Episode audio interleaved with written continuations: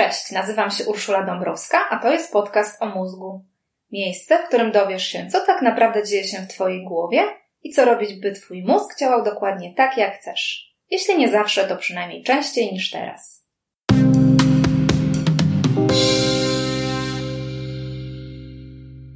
Chcę Cię poprosić o zalajkowanie lub obserwowanie strony podcast o mózgu na Facebooku.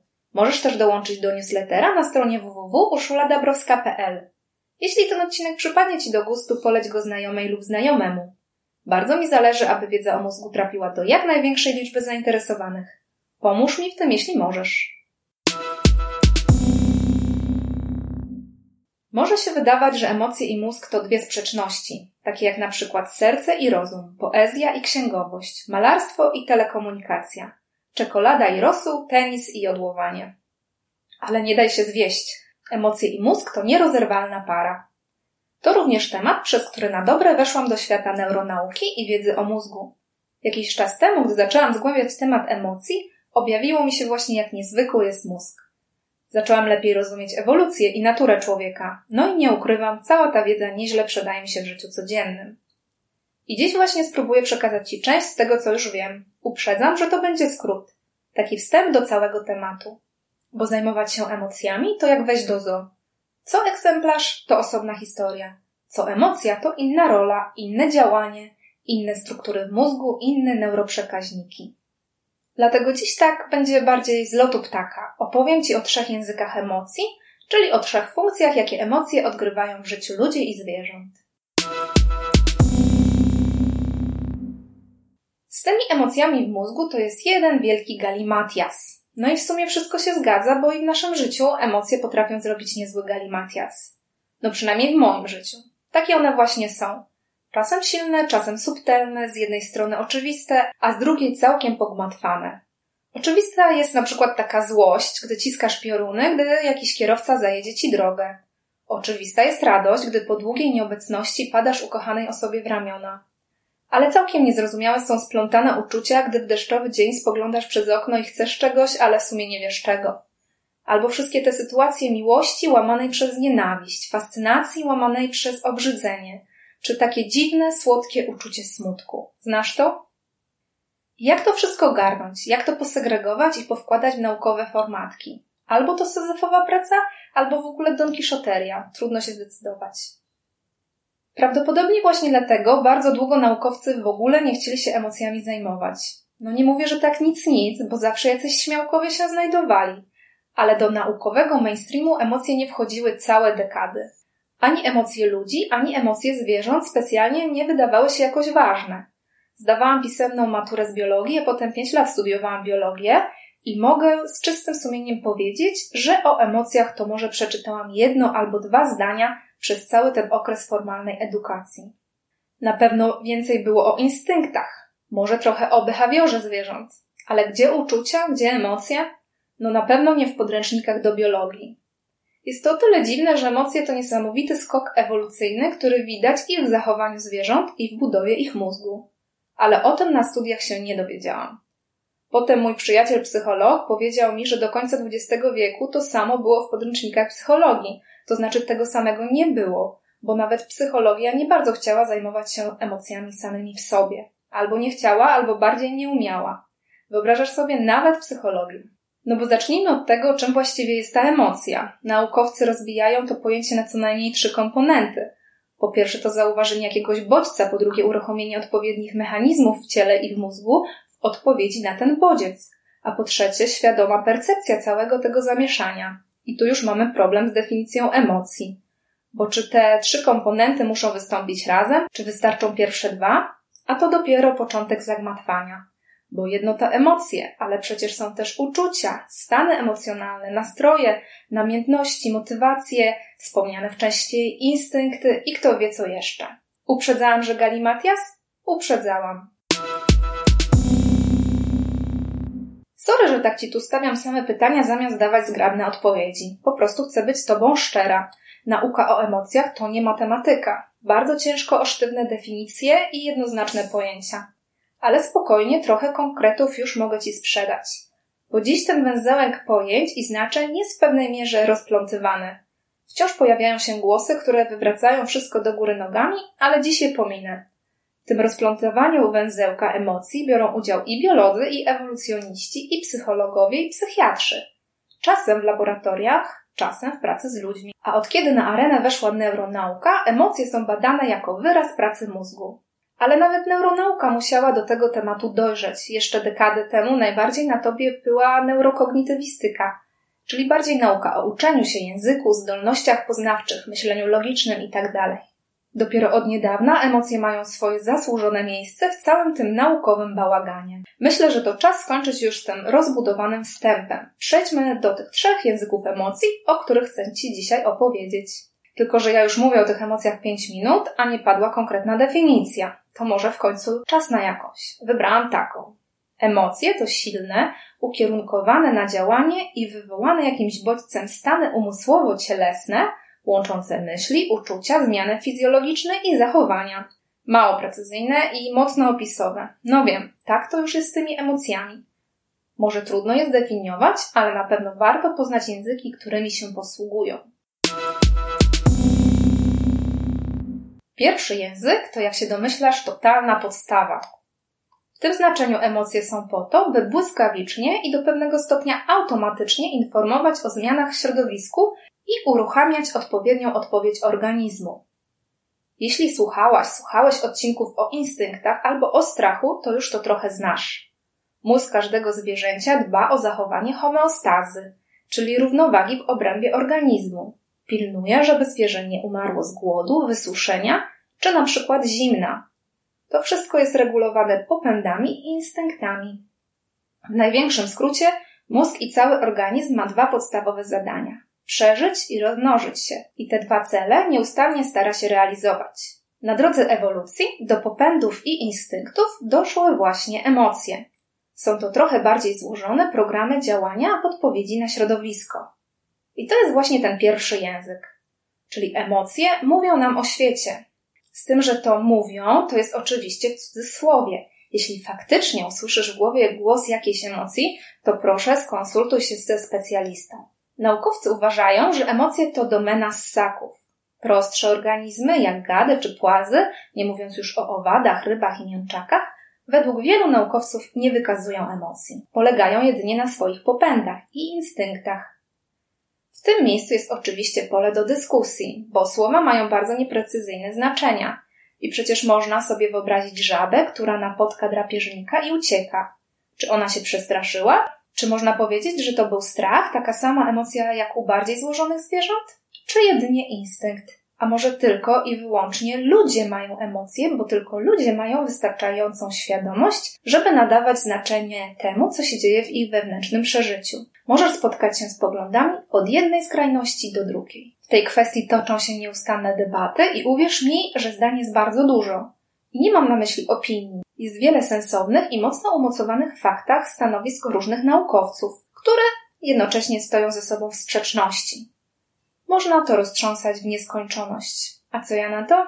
Według mnie najbardziej wyważone jest stanowisko, że emocje to domena ludzi i innych ssaków.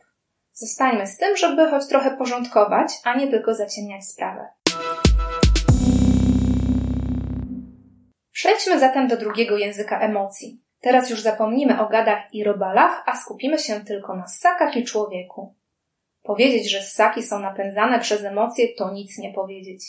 Jeśli masz psa albo dziecko w wieku przedszkolnym, to nie muszę cię przekonywać. Od rozpaczy do euforii, od lęku do wściekłości, od ekscytacji do pełnego znudzenia. I tak się toczy dzień za dniem. Co tam dzień? Godzina za godziną. Z wiekiem te nasze reakcje emocjonalne trochę się tonują, a przynajmniej mniej je widać.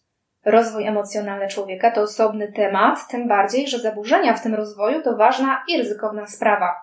Ale dziś rozmawiamy o takiej powiedzmy normie. Jeśli wszystko toczy się w miarę dobrze, to emocje do końca życia pełnią ważną funkcję w naszym życiu.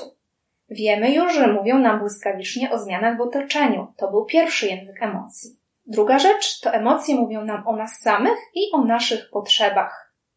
Pamiętasz, że zwierzę przede wszystkim chce przeżyć i rozmnożyć się no to u ludzi cała sprawa bardzo się pogmatwała. Te dwa cele nadal są w prawie, ale dochodzi do nich milion innych.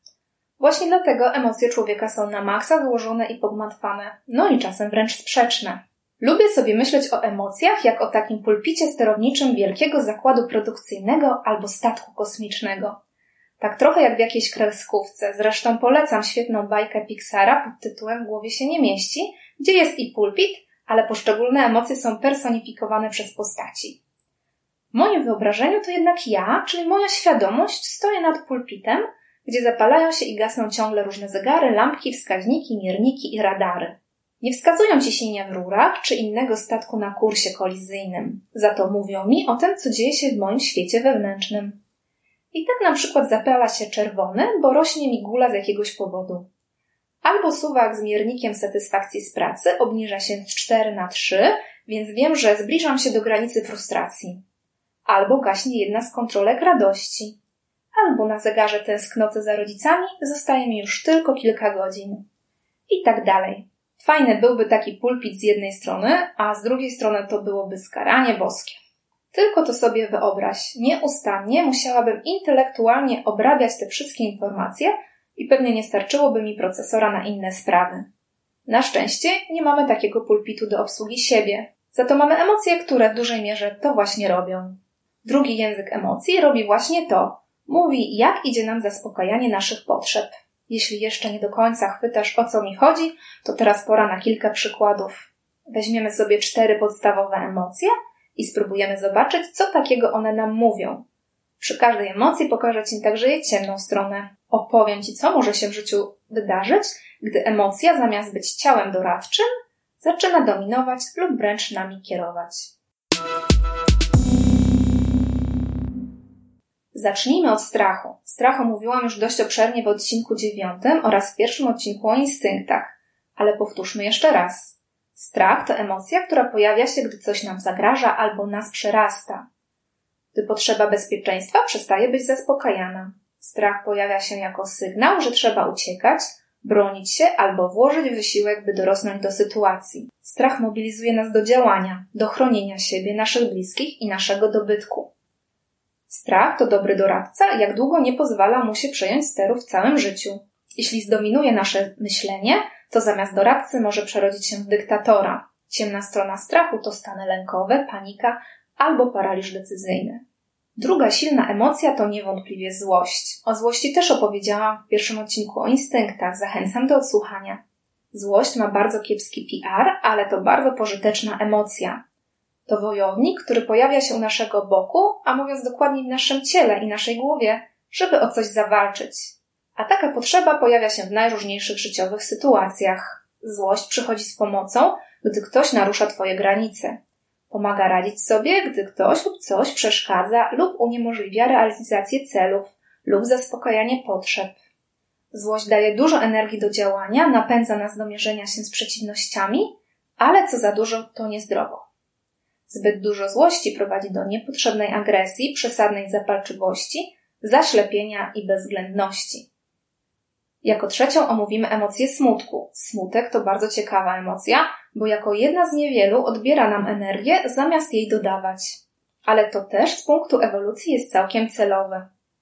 Smutek jest po to, by się zatrzymać i emocjonalnie coś odchorować.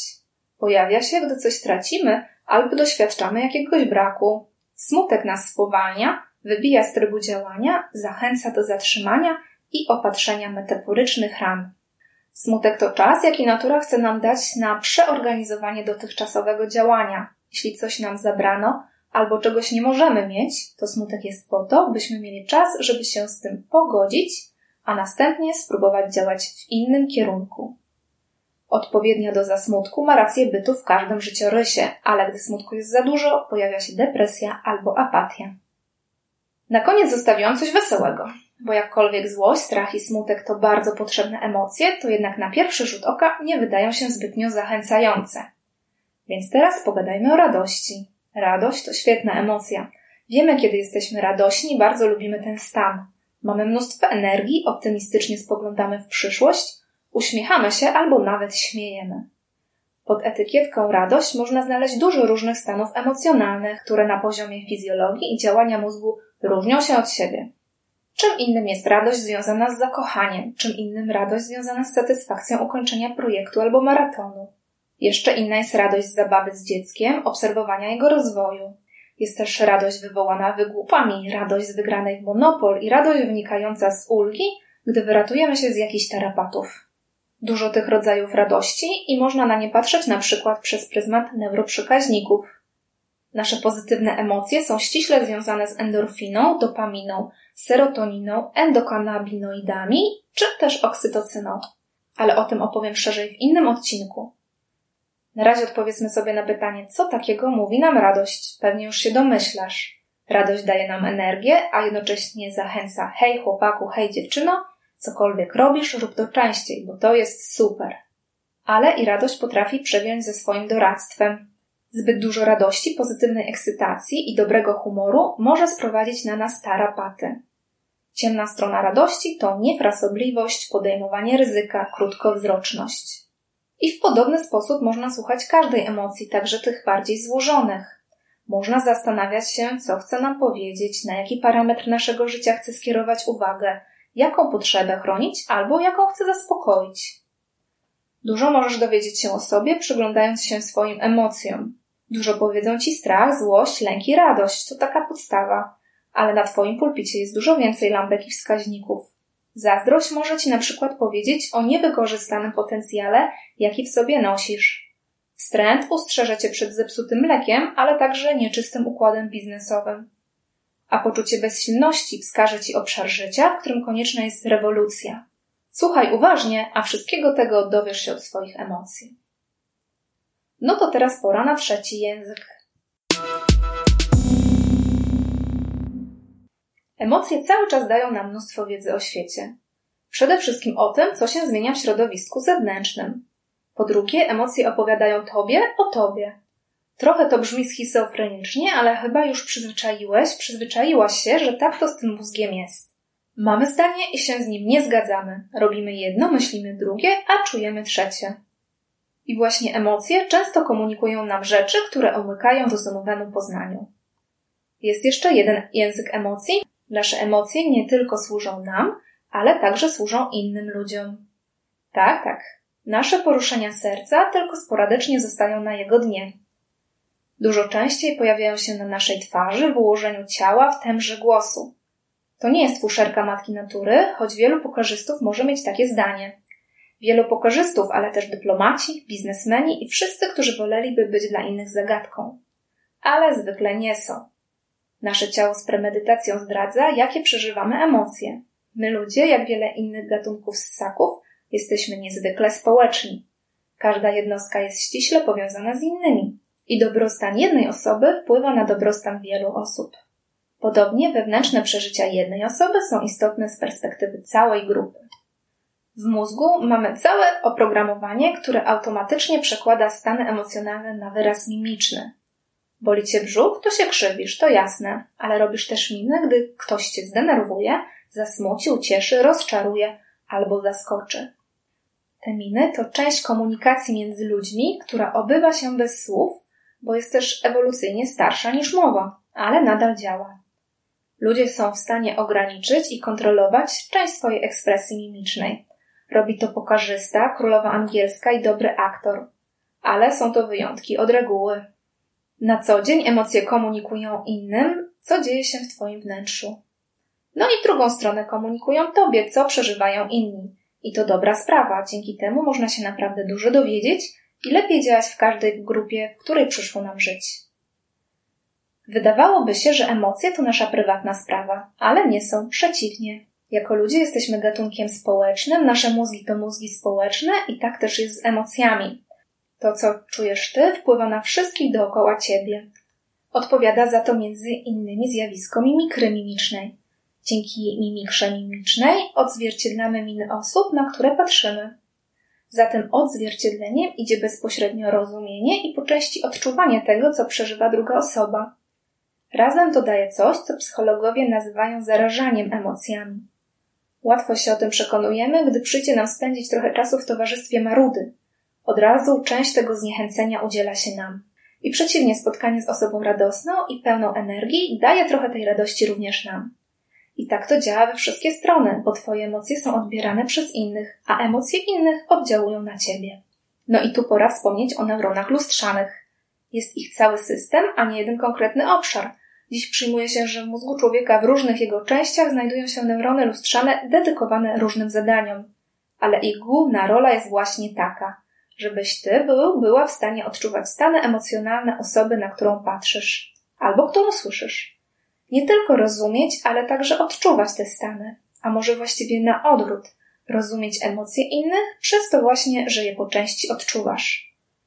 Dzięki neuronom lustrzanym emocje innych osób mówią nam, co się dzieje w ich wnętrzu. I to jest często bardzo pożyteczna wiedza. Na przykład, gdy wracasz do domu, a twoja żona wymownie milczy. Albo gdy kolega bezmyślnie patrzy na ciebie, gdy relacjonujesz rozmowę z klientem. No i również wtedy, gdy twój przyjaciel na pytanie, co słychać, mówi cicho wszystko w porządku i spuszcza wzrok. Emocje tych osób mówią ci więcej niż słowa. I chyba zgodzisz się, że ta wiedza jest nie do przecenienia. W podsumowaniu przypomnę jeszcze raz te nasze trzy języki emocji. Emocje mówią nam o tym, co się dzieje w świecie zewnętrznym. Po drugie, mówią ci, co się dzieje tam w środku, u ciebie. A po trzecie, mówią innym, co przeżywasz. Jeszcze bardziej podsumowując, to będzie tak. Emocje mówią tobie o świecie, tobie o tobie i innym o tobie. Warto uczyć się tych języków, bo emocje cały czas coś nam nadają, ale my nie zawsze chcemy słuchać. Dobre rozumienie języków emocji to popularna tak zwana inteligencja emocjonalna. Na zakończenie jeszcze jedna uwaga, może nawet nadrzędna wobec tego wszystkiego, co już powiedziałam do tej pory. Jeśli masz zapamiętać jedną rzecz z całego odcinka, to niech to będzie następująca myśl. Szkoda, że nie jest moja, ale bardzo mi się podoba. Brzmi ona. Emocji warto słuchać, ale nie trzeba być im posłusznym. Powtórzę, bo to ważne. Emocji warto słuchać, ale nie trzeba być im posłusznym. To tyle na dziś. Pozdrawiam i życzę wielu miłych emocji w nadchodzących dniach.